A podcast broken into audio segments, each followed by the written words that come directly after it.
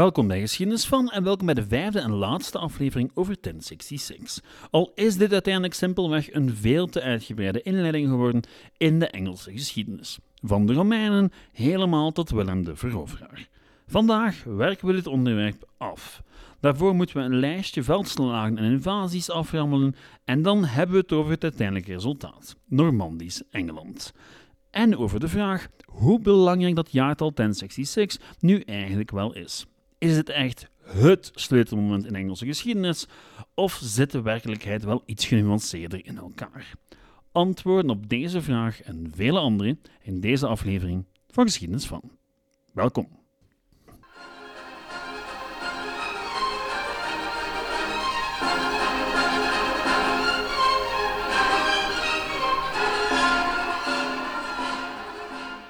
We zijn er. 1066, 1066. Het jaar waarin waanzinnig veel gebeurt, dat zeer veel impact gaat hebben op de rest van Engelse en bij uitbreiding Europese geschiedenis.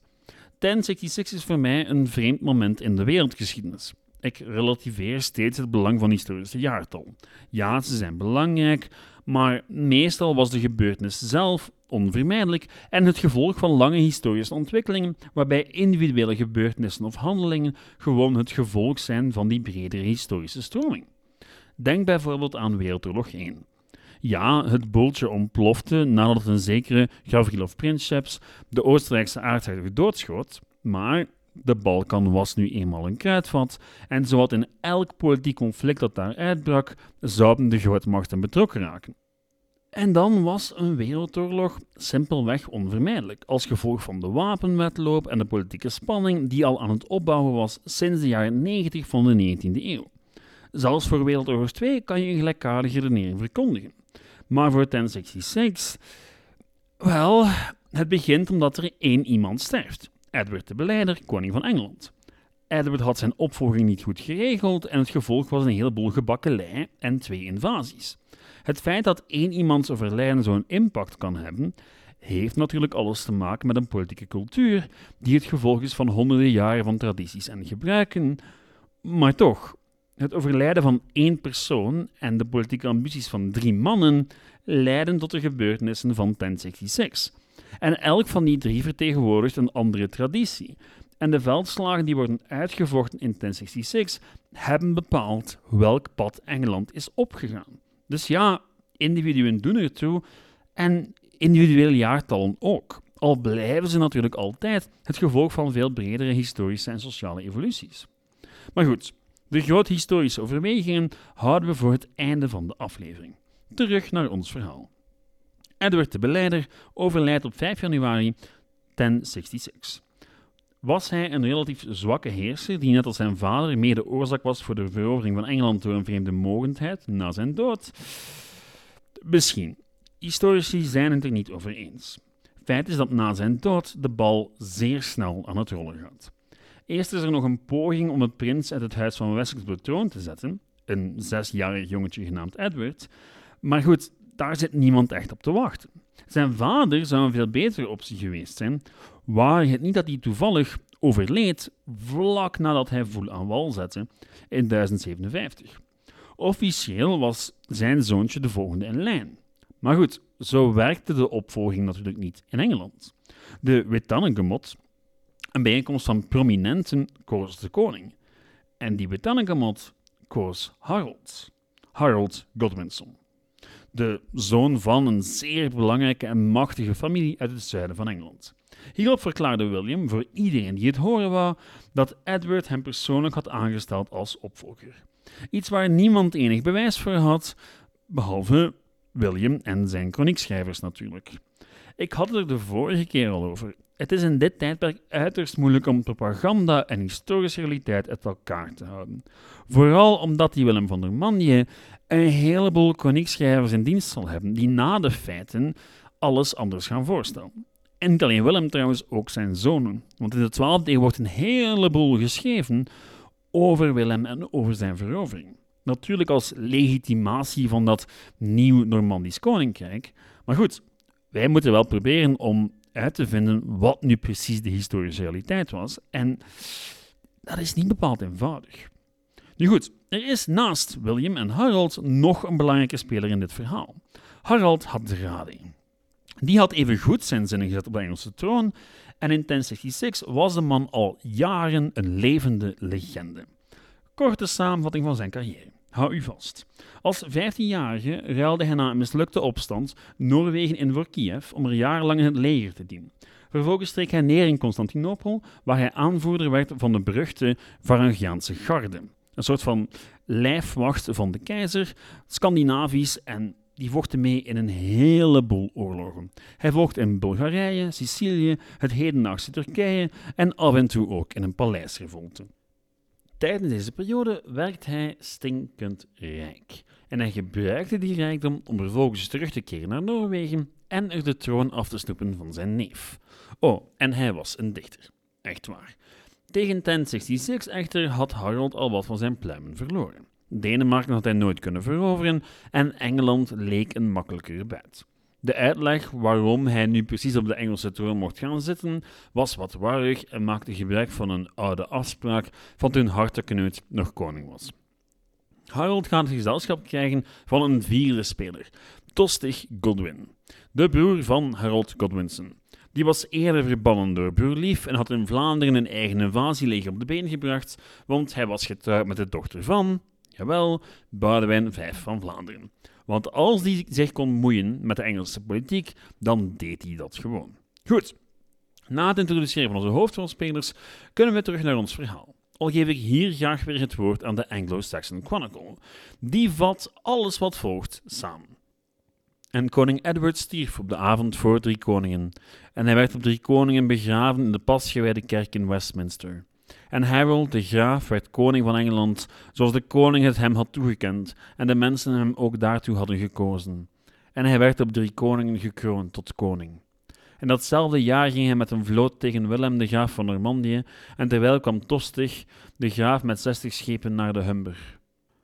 Tostig onderwierp zich aan Harold, koning van Noorwegen, en samen gingen ze naar York. En Morkar de graaf en Edwin vochten tegen hen, en de koning van de Noorden behaalde de overwinning.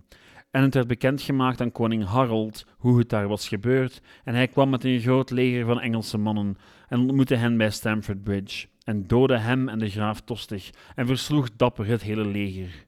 En terwijl landde Willem, de graaf, bij Hastings op Sint-Michielsdag, en Harold kwam uit het noorden en vocht tegen hem, voordat zijn hele leger was gearriveerd.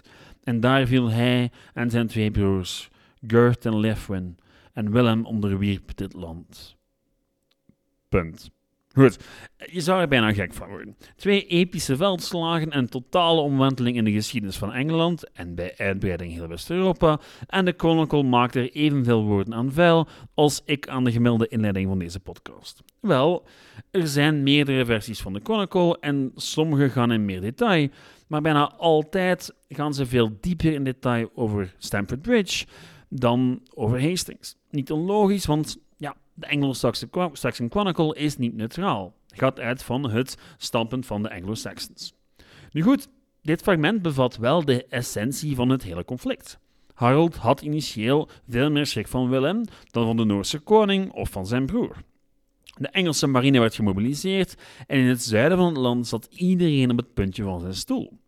Willem had problemen met het weer en was waarschijnlijk gewoon aan het wachten en stelde de invasie uit omdat hij wist wat er aan het gebeuren was in het noorden van Engeland. Maar toen Willem maar niet kwam, ontbond Harold na een hele zomerparaatheid zijn troepen op 8 september. En net op dat moment combineerden Harold en Tostig hun legers en viel ze samen Engeland binnen. Harold Godwinson marcheerde zijn hele leger naar het noorden, waar hij met een gelukje Harold wist te verslaan. Een gelukje, want het leger van de Noren was volgens alle verslagen niet helemaal voorbereid op een veldslag. Ze hadden geen idee dat Harold er aankwam en volgens de kronieken had een merendeel van de krijgers hun Mailunkolder niet bij. Resultaat: een ware slachting en de dood van zowel Harold Hadrade als Tostig. Eh, mijn excuses trouwens, Harold en Harold zitten zeer dicht bij elkaar en ik kan misschien hier en daar een verwarrend foutje gemaakt hebben. Nu, het winnen van die veldslag was op zich een ongelooflijke prestatie, maar het zou niet genoeg zijn. Want net rond deze tijd draaide de wind in Normandië en besloot William het erop te wagen. Eind september vertrok de vloot met het hele Normandische leger erop. Afhankelijk van wie je gelooft, zo'n 7500 of 150.000 man of meer. Nu, die laatste getallen komen van chroniqueurs, Normandische chroniqueurs, die steeds de neiging hadden om wat te overdrijven met cijfers. Het eerste cijfer, de 7500, komt van moderne historici. Een groot leger voor die tijd, absoluut, maar verre van gigantisch. En laat het ons nu even hebben over dat leger. Tot nu toe heb ik het altijd gehad over de Normandiërs, maar in werkelijkheid ging het over een multicultureel legertje. William had zijn eigen Normandische edellieden mee natuurlijk, maar had die evengoed aangevuld met een heleboel bondgenoten. Inclusief bisschoppen bijvoorbeeld. Want ja, dit is de periode waarin de gemiddelde bisschop zich wel eens op een slagveld durfde wagen in ruil voor rijkdommen. En rijkdommen beloofde Willem. Feit is dat de meeste van Willems bondgenoten in realiteit vooral huurlingen waren. Willem had dure beloften gedaan. Geld en buit, ja, maar voor de edelers en troepen evengoed land en titels. Kwamen erop af huurlingen en vrijwilligers van over heel Europa, maar vooral vanuit Noord-Frankrijk, Bretagne en natuurlijk Vlaanderen. Dat leger landde dus enkele dagen na Harold Godwinson's overwinning tegen Harald in het noorden. En zij landen in het zuiden. Wat was het eerste dat ze deden? Een houten kasteel oprichten bij Hastings. En van daaruit plunderden ze de hele kuststreek. Een streek die persoonlijk eigendom was van de familie Godwinson. En dat alles natuurlijk om dat Engelse leger naar hen toe te lokken. En het werkte. Harold Godwinson haastte zich zuidwaarts aan een tempo van 43 km per dag. Een deel van zijn leger volgde, maar een deel bleef achter. En toen hij in het zicht kwam van William Co., stormden die hun kasteel uit en ontmoetten ze Harold op het slagveld. Nu, Harold Godwinson en zijn troepen verschansten zich op Sandelijk Hill. En wat volgde was de slag van Hastings. Volgens sommige Normandische chroniqueurs, die al graag eens overdrijven, bestond Harolds leger uit 400.000 of zelfs 1 miljoen man.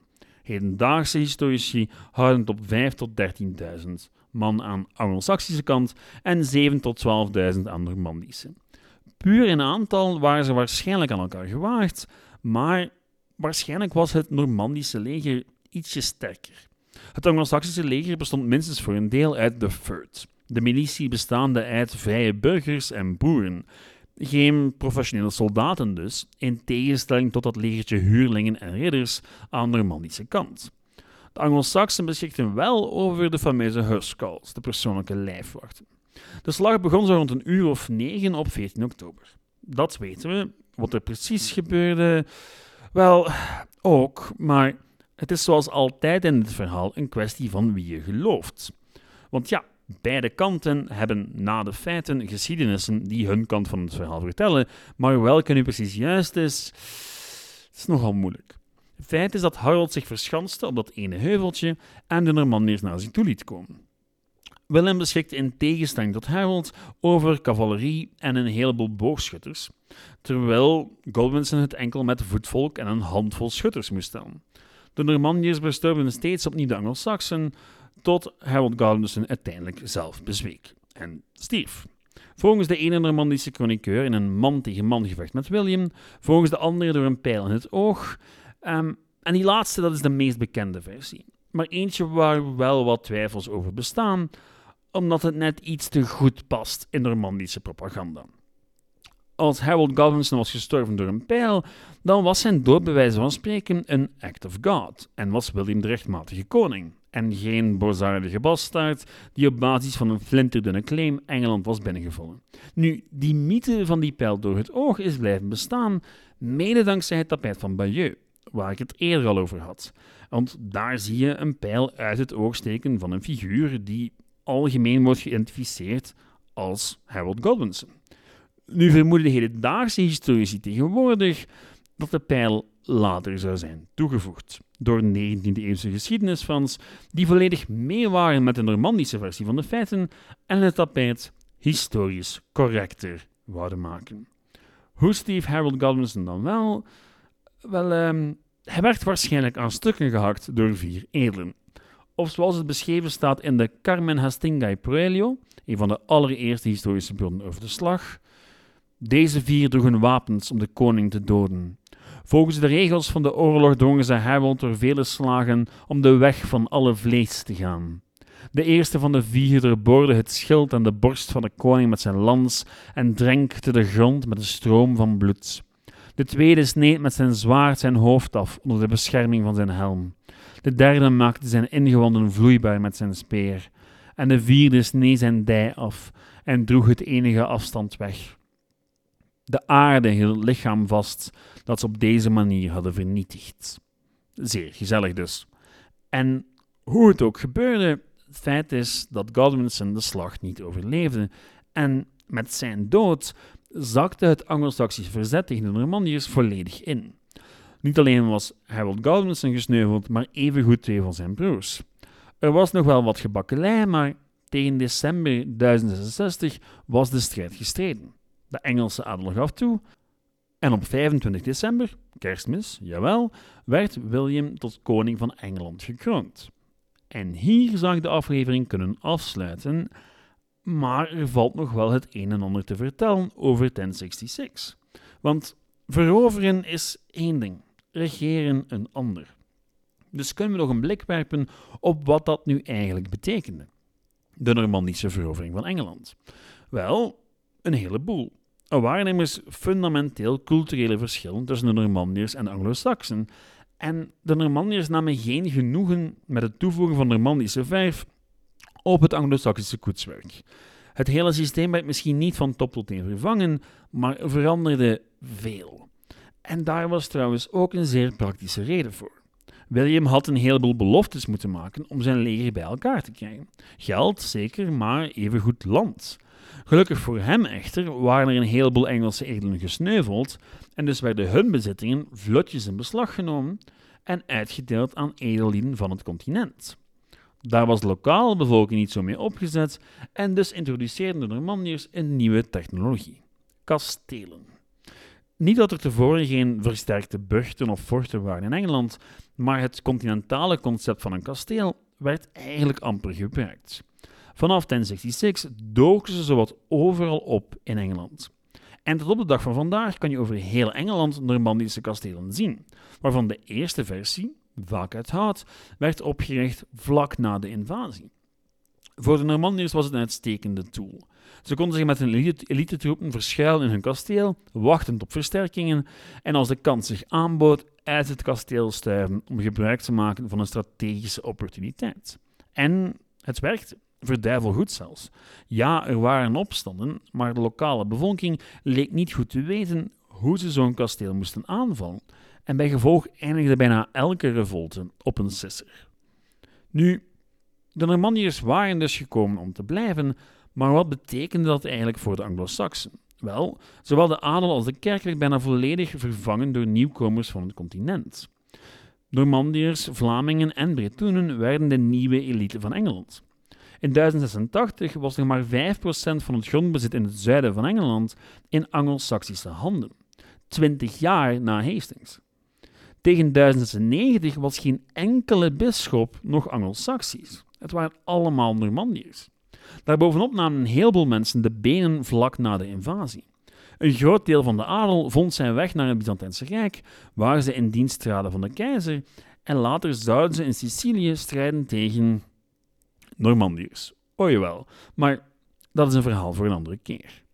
Wat veranderde er nog? Wel, de bestuurstaal natuurlijk, van Oud-Engels naar Latijn, zoals op het continent. En dat betekende een grote klap voor het Oud-Engels, want die taal was plotsklaps niet langer een geschreven taal. Het Engels zelf zou niet verdwijnen, maar nooit meer hetzelfde zijn. Heel wat woorden in de Engelse taal zijn afkomstig uit het Frans. En daar zit ook een sociale dimensie aan. Een voorbeeldje. Neem nu bijvoorbeeld de koe. Kou in het Engels. De band met het Nederlands is duidelijk. Wel, eens die koe op het bord is beland in de vorm van een bierstuk, heet ze beef, afkomstig van het Franse buff. En die lijn kan je doortrekken voor een heleboel woorden in de Engelse taal. Als het object of dier uit de leefwereld van de lagere klassen kwam, dan heeft het Engelse woord meestal een Anglo-Saxische oorsprong. Komt het uit de leefwereld van de hogere klassen, een Franse. Initieel leefden die twee klasses en de twee talen naast elkaar, maar met de tijd zouden zich steeds meer mengen. En uit die mengeling komt het hedendaagse Engeland voort. Met continentale trekjes, maar nog steeds, ja, Engels. En zo zijn we eigenlijk op het einde gekomen van dit reeksje. Rest ons enkel nog de vraag of 1066 nu werkelijk zo'n scharniermoment was in de Engelse en bij uitbreiding westerse geschiedenis. Wel, als je het mij vraagt, ja. Er is nuance mogelijk, tuurlijk wel, maar op het einde van de rit kan je moeilijk naast het feit kijken dat Engeland fundamenteel getransformeerd werd na 1066. Op sociaal, cultureel en politiek vlak. Er kwam een nieuwe elite met een nieuwe taal, nieuwe bestuurssystemen, wetsysteem enzovoort. Er is een duidelijk voor en na. Het is ook die nieuwe Normandische elite die vorm gaat geven aan een nieuwe vorm van Engels imperialisme. Wales, Ierland, Schotland, allemaal zullen ze vroeg of laat vallen aan dat nieuwe, sterke, militaristische Engelse koninkrijk. De wijziging met de meest lange termijn gevolgen was misschien wel dat vanaf 1066 Engeland nooit meer echt geïsoleerd was van het Europese vasteland en bij uitbreiding de rest van de wereld. Die isolatie was altijd al relatief geweest, maar vanaf 1066 was de Engelse koning een actieve speler in continentale politiek. Logisch, want ja, Willem bleef natuurlijk hertog van Normandië. Hij was niet enkel koning van Engeland. En hij verbleef meestal ook gewoon in Normandië. En dat zou hetzelfde zijn bij zijn opvolgers. De honderdjarige oorlog tussen de Engelsen en de Fransen zou nooit plaatsgevonden hebben als er geen Engelse koning op die troon zat, die tegelijkertijd nog een heleboel grondgebied had aan de overhand van het kanaal en, om zijn positie daar te versterken, allerlei politieke huwelijken afsloot met continentale hertogen en graven. Van een zogenaamde splendid isolation is historisch gezien nooit echt sprake geweest. Vanaf 1066 maakt Engeland gewoon deel uit van de rest van Europa. Cultureel, politiek en economisch. Dus ja, 1066 is absoluut een van die jaartallen die in het vet aangeduid mogen staan op een tijdslijn. Er gaat een heleboel aan vooraf dat ervoor zorgt dat het zo'n scharnierjaar geworden is. Maar goed, als Harold Godwinson niet had moeten strijden tegen Hadrali in het noorden en vervolgens William in het zuiden, dan had de Engelse geschiedenis er misschien helemaal anders uitgezien. Al zullen we het, natuurlijk, nooit zeker weten. En daarmee zijn we op het einde gekomen van dit iets te lange reeksje. Voor ik je laat gaan, nog even dit. Dit was echt een bliksemoverzicht van wat leidde tot 1066. Ik ben er zelf niet helemaal tevreden over, omdat het net iets te veel een opsomming van feitjes en figuren was. En ik heb het gevoel dat ik te weinig diepgang heb kunnen steken in mijn narratief. Daarom mijn excuses. Elke week een aflevering maken zorgt er soms voor dat ik niet helemaal mijn ding kan doen met de inhoud. Zoals, volgende keer beter. Oh, en ook mijn excuses voor uh, de naamsverwarring. Ik heb vaak Willem gezegd en soms William gezegd. Um, Harold, Harald. Tja, sorry. Um, voor meer diepgang rond dit onderwerp wijs ik u nogmaals door naar History of Britain, een van de allerbeste geschiedenispodcasts aller tijden. Volgens mij in elk geval. Um, bedankt voor het luisteren en tot volgende week. Dan beginnen we een nieuw blik historische figuren, allemaal vrouwen deze keer. Beginnen doen we met Cleopatra. Cleopatra de achtste, om precies te zijn. Reacties en suggesties kan u delen via geschiedenisvan.outlook.be, de website geschiedenis van en de Facebookgroep geschiedenisvan.be. Sorry, de website geschiedenis van.be en de Facebookgroep geschiedenis van. Hartelijk dank, ciao!